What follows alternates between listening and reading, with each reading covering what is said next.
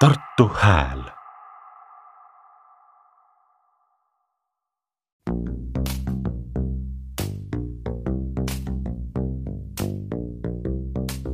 Ja tere tulemast, siin on äh, Tartu Hääle podcast ja Epp Petrone podcast, ühissaade.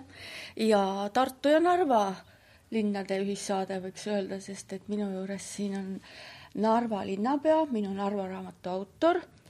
Tartust oled sa pärit või? ma olen Tartus sündinud ja kolmkümmend aastat elanud. ja, ja, ja Tartus me siin ka praegu istume.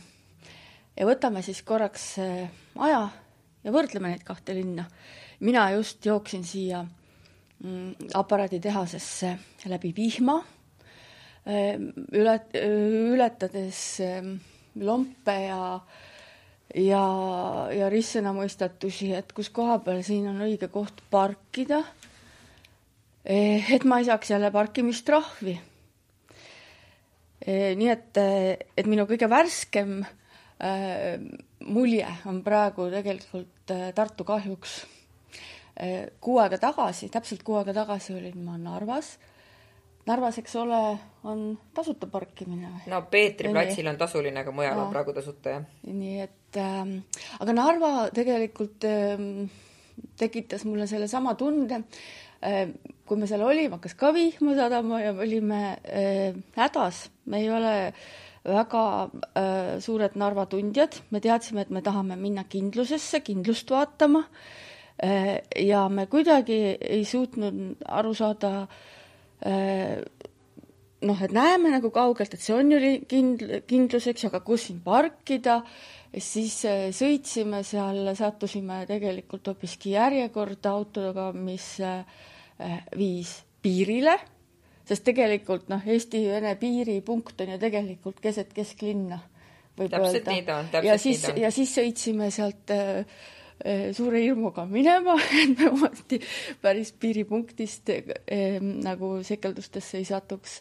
Sattusime teisele poole, sattusime seiklusesse, see tuli terve hulk tädikesi ja onukesi kokku, kes meile hakkasid seletama vene keeles, et kuidas ikka õigesti peab sõitma, vaidlesid, kuidas kõige lihtsam on sõita.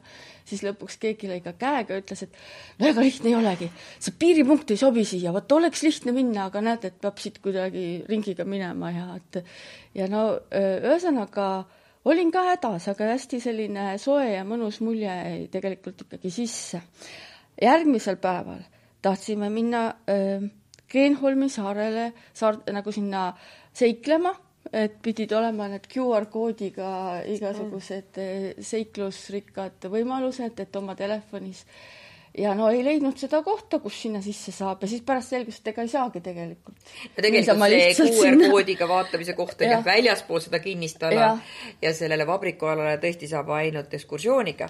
Aga need sinu mõlemad märkused on väga asjakohased, et kui sa ise seal linnas elad, siis sa ju tead, kus on linnus ja kus parkida ja, ja tead ka seda telefoninumbrit, kuidas sinna Kreenholmi ikka saab, kui väga-väga vaja on. mina eks ju. lõpuks helistasin kindluses äh, lihtsalt suvaliselt telefonile, küsisin, et vabandage, et mul on nii rumal küsimus, aga kuhu ma pean parkima, et kindlusesse tulla?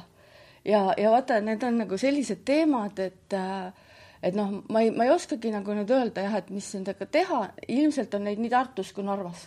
ja ma arvan, et see on ikka igal pool, kuna kõige lihtsam on muidugi, et tuleb käia jala, et siis ei ole seda autoprobleemi, et mõlemad linnad on nii väikesed, et saab jala hakkama, et mina tulin siia aparaaditehasesse ka praegu jala kesklinnast.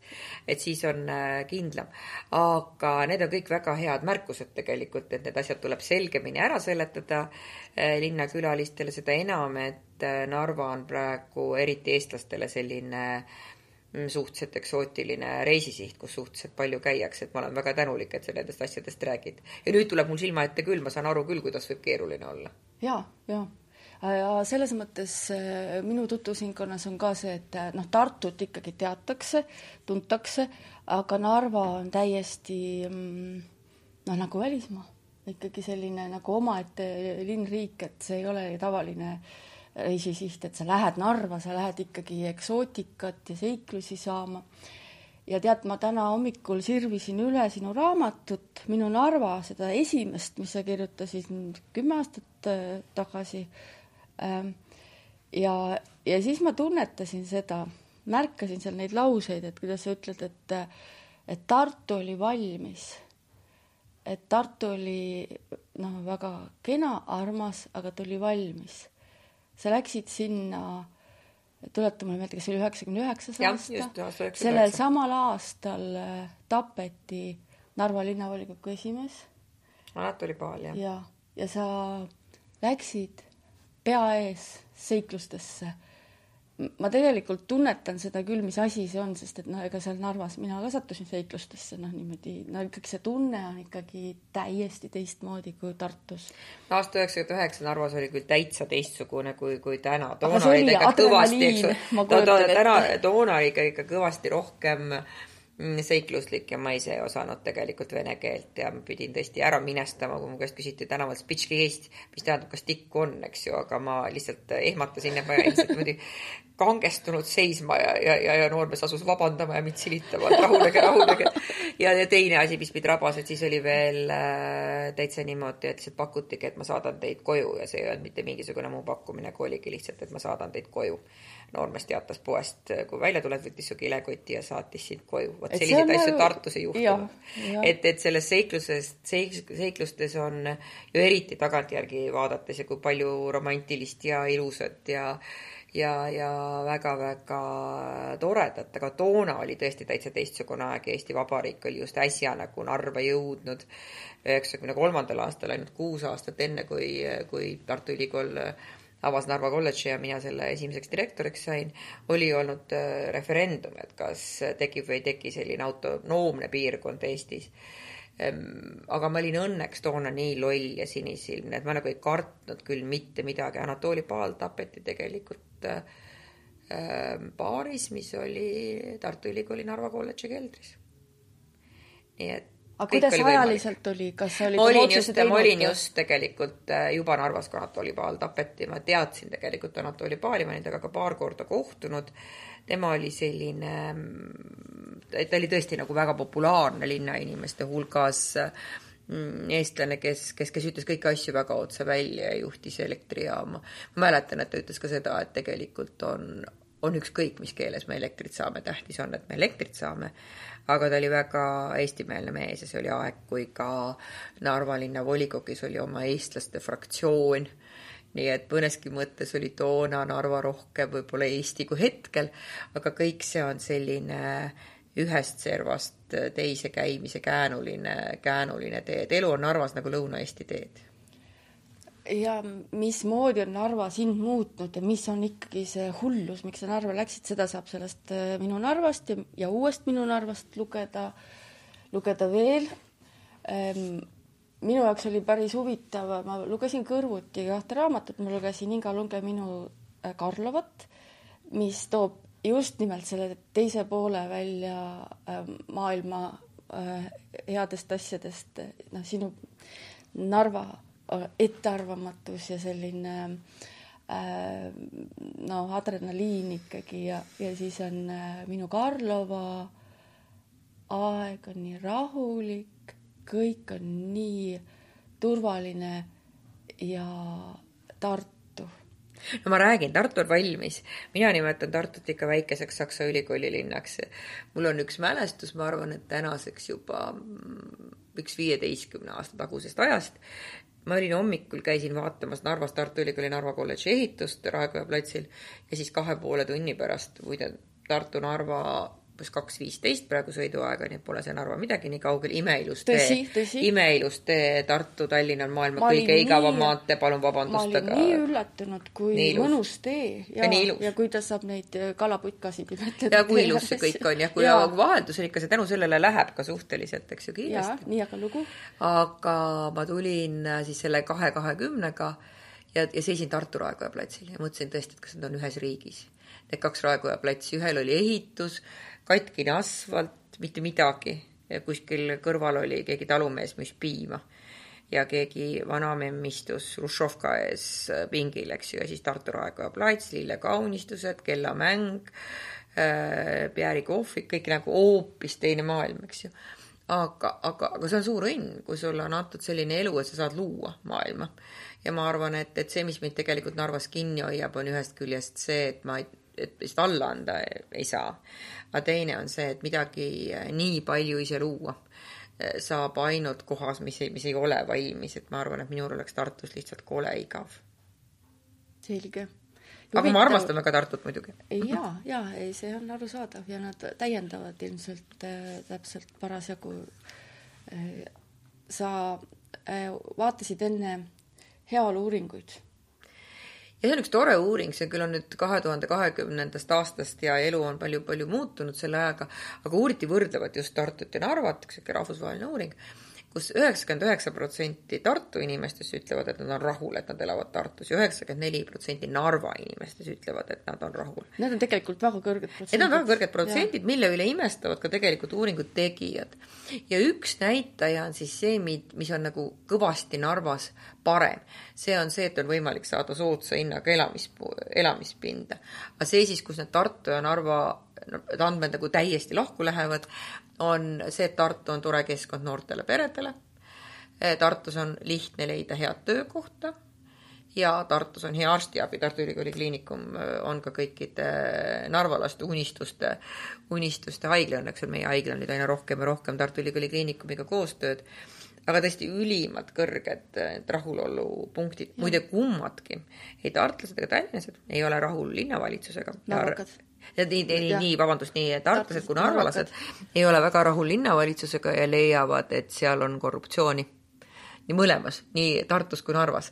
nii et, et linnade juhtimises kaks tuhat kakskümmend oli veel äh, mõlemal linnal siis mingi tee käia, mida praegu tuleb rõhutada, et on ka teised uuringud, et äh, need inimesed, kes Narvast tulevad ära Tartusse, eelkõige Tartu Ülikooli õppima ja jäävad siis siia, siis nemad ei tule enam mingitel tingimustel Narva tagasi, aga need, kes on läinud Narvast Tallinnasse, nemad on nõus tagasi tulema, kui nad saavad osta endale korteri, tihti elatakse Tallinnas, eks ju, üürikorteris, see on, on kallis, aga kui sünnivad lapsed, kui Narva haridus edeneb ja saab osta soodsat korteri, siis ollakse valmis ka tagasi tulema. ehk äh, mõneski mõttes on Tartu nagu noorte narvalaste unistuste Eesti. samas, kui tullakse õppima Tartusse ülikooli ülikoolidesse, on esimesel aastal kole raske ja kui ma olen sõprade laste käest küsitud, et noh, et sa oskad ju eesti keelt, et mis siis raske on. Nad ütlevadki, et kuule, Katri, seal on nii palju Eestit ja eestlasi. et nagu mm -hmm. teistmoodi mentaliteet mm, -hmm. millega võib-olla polegi nii kerge harjuda, eks ju mm. -hmm. Öeldakse, et meid ikka ei võeta nagu kampa, et kõiki teisi kutsutakse sünnipäevale ja mind ei kutsuta nii et selle peale tasub, tasub mõelda, et kas, kas, kas me siin põlised tartlased või tartlased peaksime natuke nendesse juurdetulijatesse äh, südamlikumalt ja sõbralikumalt suhtuma. jaa, kindlasti. ja mulle tuli praegu meelde üks teistpidi, üks äh, sotsiaalmeedia postitus, keegi noor inimene teatas, et ta on otsustanud kolida Narva, sest et ta tegi analüüsi, et mis on kõige mõistlikum äh, kinnisvarahindade mõttes ja tuleviku mõttes, et õppida ära vene keel no vene keele mm. õppimiseks äh, ma just aga just need kaks asja kombinatsioonis. kombinatsioonis tegelikult vene keele oskamine on ju suur väärtus. ütleme aga, siis näiteks arstil, juristil. seda enam, kui kui suur kontekst inimesi ümberringi, foon ei, ei õpi seda, mis on noorte eestlaste hulgas väga nagu sage, et nad ei oska võib-olla õpivad, aga ei oska. noh, see on juba teine, teine see suur õppimise, õppimise asi jah, see vene keele metoodika koolides ikka lonkab kahte, lonkab kahte jalga. et ikkagi ongi nagu vaja seda keelepraktikat ja, ja vot siis noor inimene otsustas kolida ja otsustas seda ka jagada. No loodame, et tal läheb äh, Narvas hästi. selgelt vene keele õppimiseks Narva sobib ideaalselt. Äh, vene keelt käivad Narvas õppimas ka noored ameeriklased äh, igal suvel ligi nelikümmend, nelikümmend noort, keelekeskkond seda toetab. Narvas on ligi viiskümmend neli tuhat inimest ja kodus emakeelena eesti keelt räägib kuskil tuhat kakssada inimest, et ikka väga-väga väike hulk. Eestlaste protsent, kui statistikat vaadata, on tihti kõrgem. Ja kuus protsenti esitata, esitatakse tavaliselt ja need on nüüd need siis, kes tegelikult on kirjutanud oma rahvuseks eestlase, eelkõige siis noored venelased, kus saavad passi, ütlevad, et nad on eestlased. Äh, ettekujutus on see, et see avab Eestis rohkem äh, uksi. aga vene keele õppimisega on selline lugu, et äh, tuleb kiiresti tulla, sest Narva inimesed räägivad aina paremini eesti keeles, eks ju. ja kui mina läksin Narva, oli eesti keel ikka tõsine salakeel. kuidas sina seda vene keelt õppisid siis, et kas sul oli ka eraõpetaja või lihtsalt öö, seal pea ees ette hüpates ujuma hakates? no mul oli tegelikult, ma olin koolis õppinud ju, ju ma olen kaheksakümne viiendal aastal lõpetanud Tartu kolmanda keskkooli, eks ma olin koolis õppinud, aga vene keele õpetaja vahetus tihti, sõjaväeosa oli lähedal, järgmine polkovniku proua tuli ja algas jälle Beljet Parus Odinoki või mõne muu luuletuse õppimine, rääkida ma muidugi vene keeles ei osanud mitte midagi, kui ma sinna Narva läksin aga ma õppisin elus ja kolleegidelt, jah, ma tagantjärgi mõtlen, et oleks võinud võtta keeletunde, oleks õppinud korrektsemalt rääkima. praegu ma räägin ka otse-eetris äh, ka televisioonis ja raadios. ja, ja mind ei häiri küll ütles üks tark inimene mulle, et ära püüa rääkida vene keeles nii ilusasti kui eesti keeles, et räägi lühemate lausetega ja poole aeglasemalt. ja see on hea õpetus muide võõras mm -hmm, keeles avalikult mm -hmm. rääkimise osas, ma arvan, kõikides keeltes. ma arvan ah., et sinul on samasugune fenomen ja karisma venelaste jaoks, nagu on Anne Veski. et see ongi selline mõnus Balti aktsent ja Eesti aktsent käib asja ja, ja, ja, ja kumbki meist ei häbene seda aktsenti jumala eest. selline, sellised armsad ja omad mingis mõttes, aga kuule, aga lähme nüüd tagasi Tartusse ka. et muidu meil saab aeg otsa ja ma olen ka siin omal numbrid välja võtnud. sina oma numbreid esitlesid, minu numbrid on nüüd need, kui palju jäi alles linnast Teise maailmasõja lõpus noh, neid numbreid on nagu erinevaid, ma kuidagi üritasin leida sellised enam-vähem samasse konteksti minevad. Tartust alles umbes viiskümmend protsenti, Narvast üheksa protsenti. kuigi on ka dramaatilisemaid numbreid, et veel vähem jäi alles.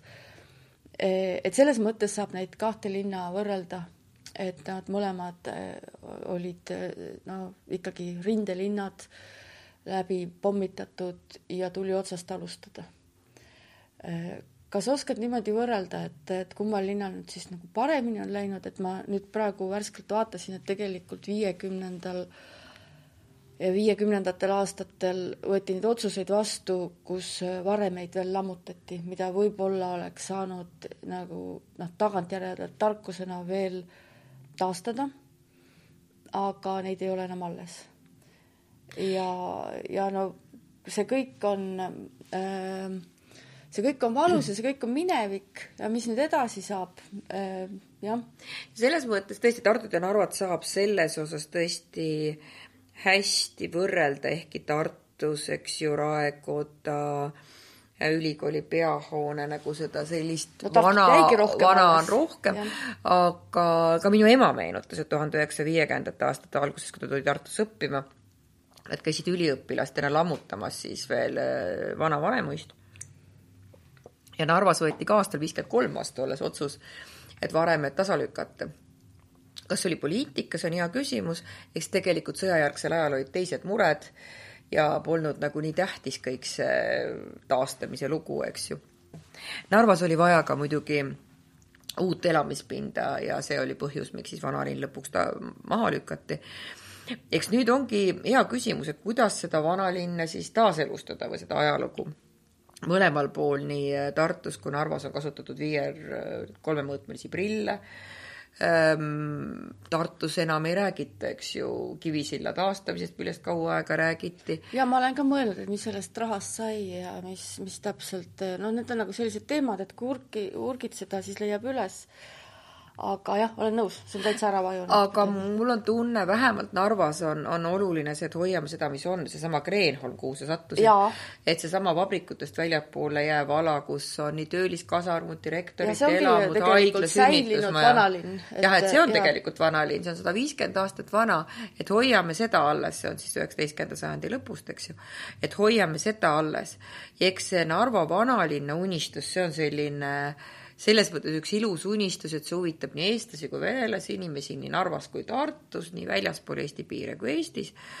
aga me teeme praegu ühte detailplaneeringut, et saaks ühe vanalinna Rüütli tänava põhjakülje üles ehitada nagu reaalselt üles reaalselt ja, ja no midagi siis sarnast. prillidega, vaid ja vaid ja nagu reaalselt, aga no mitte siis võib-olla päris sarnaste detailplaneeringu mm. käigus selgub, muidugi tuleb see ruum siis täita aga selle ehitamise esimene raskus nii Tartus kui Narvas on see, et sa poole rahast paned maa alla. sest arheoloogilisi kaevamisi, eks ju, oleme me Tartus näinud, kui, kui sügavad need kae-, kaevamised tulevad ja Narva on ka põlenud neli-viis korda, et paepinnani välja jõudmine võtab ikkagi päris palju raha ja aega. et ma ei tea, kas see ongi selline võib-olla unistuseks ilus küll, aga tegelikus elus tuleks leida teisi võimalusi selle ajaloo äh, taaselustamiseks, küll on Tartu ja Narva puhul, mõlema puhul see ajalugu äh, väga oluline, eks ju. ja, ja ilma, ja ilma ajaloota ei oleks nendel linnadel ka sellist tulevikku, nagu neil on. no nad on mõlemad väga vanad, väärikad linnad, et aga tuleme tagasi hilisajalukku. kultuuripealinna valimine ma ei tea, kas oli Narval üleüldse tegelikult šanssi äh, saada kultuuripealinnaks konkureerides Tartuga, sest see, mis mina sellel aastal kuulsin, see oli siis neli aastat tagasi, kaks tuhat üheksateist, siis oligi see, et et noh, Tartu kord on võita. Äh, ja, ja et võib-olla Narva saab kunagi edaspidi no mina ütleksin, et järgmine kord on Tartu, on Narva kord võita, aasta kaks tuhat kolmkümmend seitse pole siin mingisugust vaidlust, Narva lihtsalt võidab. aga. ja no taustaks on see, et kunagi varem, kaks tuhat üksteist oli Tallinn kultuuripealinn ja mm. siis kaotas talle Tartu, Tartu, aga tegelikult keegi ei kaotanudki, lihtsalt hakkas valmistuma järgmiseks. ja mina olen küsinud oma hea sõbra Tartu linnapea Urmas Klaasi käest, et, et kuidas te siis valmistusite ja Urmas ütles, et tegelikult viis Tartu kõik need asjad, mis toona portfoolios oli kahe tuhande üheteistkümnendaks aastaks ellu. Ja. et see oligi see valmistus, et sa võtad selle, mis sa kirja paned sinna ja teed ära ja siis oledki järgmiseks korraks valmis, et ma olen seda Tartu kogemust Äh, võtnud, võtnud ka Narvas nii-öelda kuulda, et tuleb minna sellesama toona tehtud portfoolio järgi, mida meie tegime nüüd siis äh, ka kahe tuhande kahekümne neljandaks aastaks, praegu me hoiame äh, Narvas Tartule pöialt, me püüame ka üht-teist koos teha, kui piir oleks lahti, siis oleks Narva olnud hea värav ja. kultuuripealinnaks, praegu on olukord veidi teine. Aga mõned kontserdid, ilmselt ka üks filmifestival toimub siiski ka Narvas, nii et, et me oleme kultuuripealinna ideega ühenduses ja tõepoolest võtame ise täpselt nii, et järgmine kord on Narva ehk Eesti suuruselt kolmas linn, äh, kultuuripealinn. ja kui endasse ise uskuda, eks siis usuvad ka teised. ka mina nägin seda Tartu kandideerimise protsessi pealt ma mäletan, et kui see välja kuulutati, siis Narvas suunati ERR-i kaamera minu peale, siis ma pidin ju mingit nägu tegema, sest kas siis, kelle poolt siis olla. Tartu või Narva poolt, aga mul oli muidugi väga hea, mõlemal puhul oleks ma õnnelik olnud. üldse väga omapärane elu, et sul peab olema kogu aeg nagu see kaks poolt, et, et nagu laveerida, sest nagu leida seda, et meeldida mõlemale poolele. see ei ole võimalik ja sa pead, siis ei meeldi iseendale enam jah, aga, aga ma mäletan seda hetke, sest noh, tegelikult ähm, Narval oleks ka keeruline olnud, sest see ikkagi nõuab, äh, nõuab kas või seda, et meil tegelikult Narvas ei ole korralikku hotelli, oleme ausad.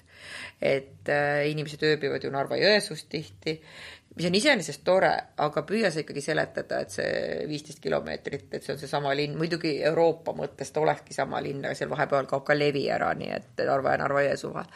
aga, aga, aga ma usun, et Narva kosub ennast ka kultuuri mõttes, Narva kultuurielu on täiesti kapitaalselt äh, muutunud viimaste aastatega. mina mäletan seda aega veel ikka väga hästi, mingi viis aastat tagasi, et on üks kontsert, see on neljapäeval kas see on džäss või klassikaline muusika, keegi ei küsi, see on kontsert, see on neljapäeval kell kuus, eks ju. kas linnuses või kolledžis, aga see on kontsert. mis mõttes, et mis mõttes sa küsid, mis kontsert? aga praegu on see kultuurielu valik läinud väga, väga suureks läbi Vaba Lava Narva ooperipäevad ja, ja need, nende aastaringse tegevuse läbi, läbi džässiklubi, mida teeb Oleg Pisarenko, kes on muide Narva poiss, kes elab ta tegutseb Tartus, nüüd vist kogunisti Tallinnas, aga igal juhul, nii et sellist Tartu ja Narva sidet on päris palju ja muide, need tartlased, kes tulevad Narva, jäävad pikemaks, nii et see Tartu-Narva mingisugune selline side või teineteise austus ja armastus on, on üsna eriline. ja seda on hea kuulda, et äh, kaks linnapead on sõpra kas te teate Urmas Klaasiga lausa ülikooli ajast? ja, ja meie oleme tuttavad aastast jumal, ma arvan, et umbes kaheksakümmend kaheksa. ja siis arutate vahel asju? vahel arutame asju ja tihti ütleb Urmas, et nii seda ei tehta. tehakse küll, meil on Narva.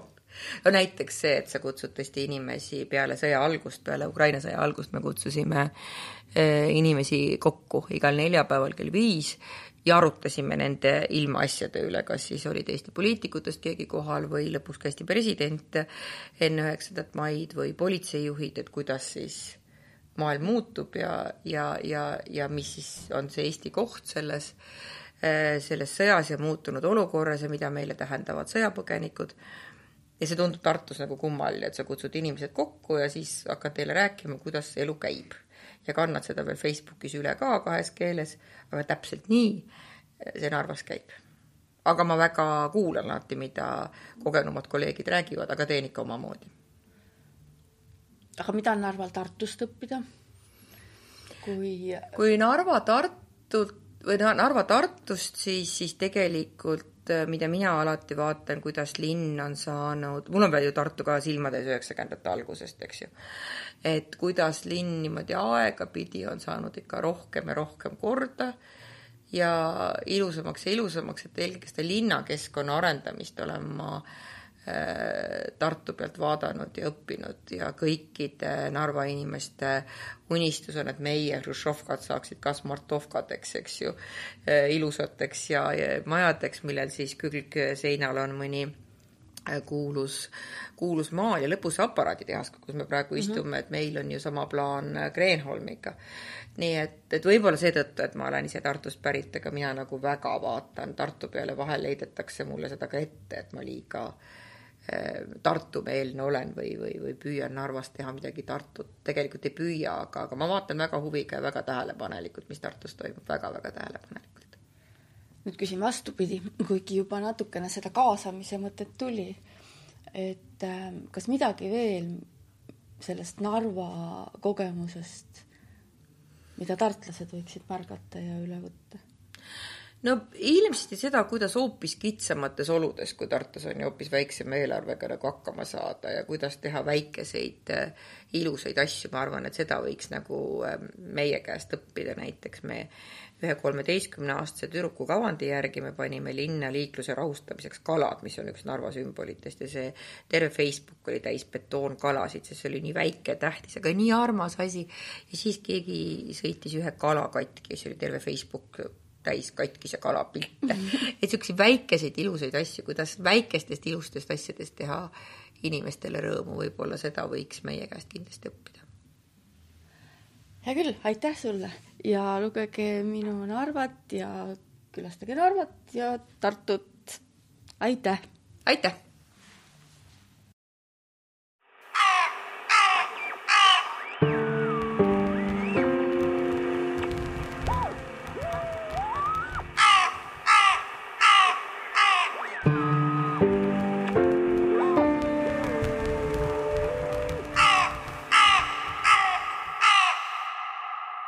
Tartu Hääl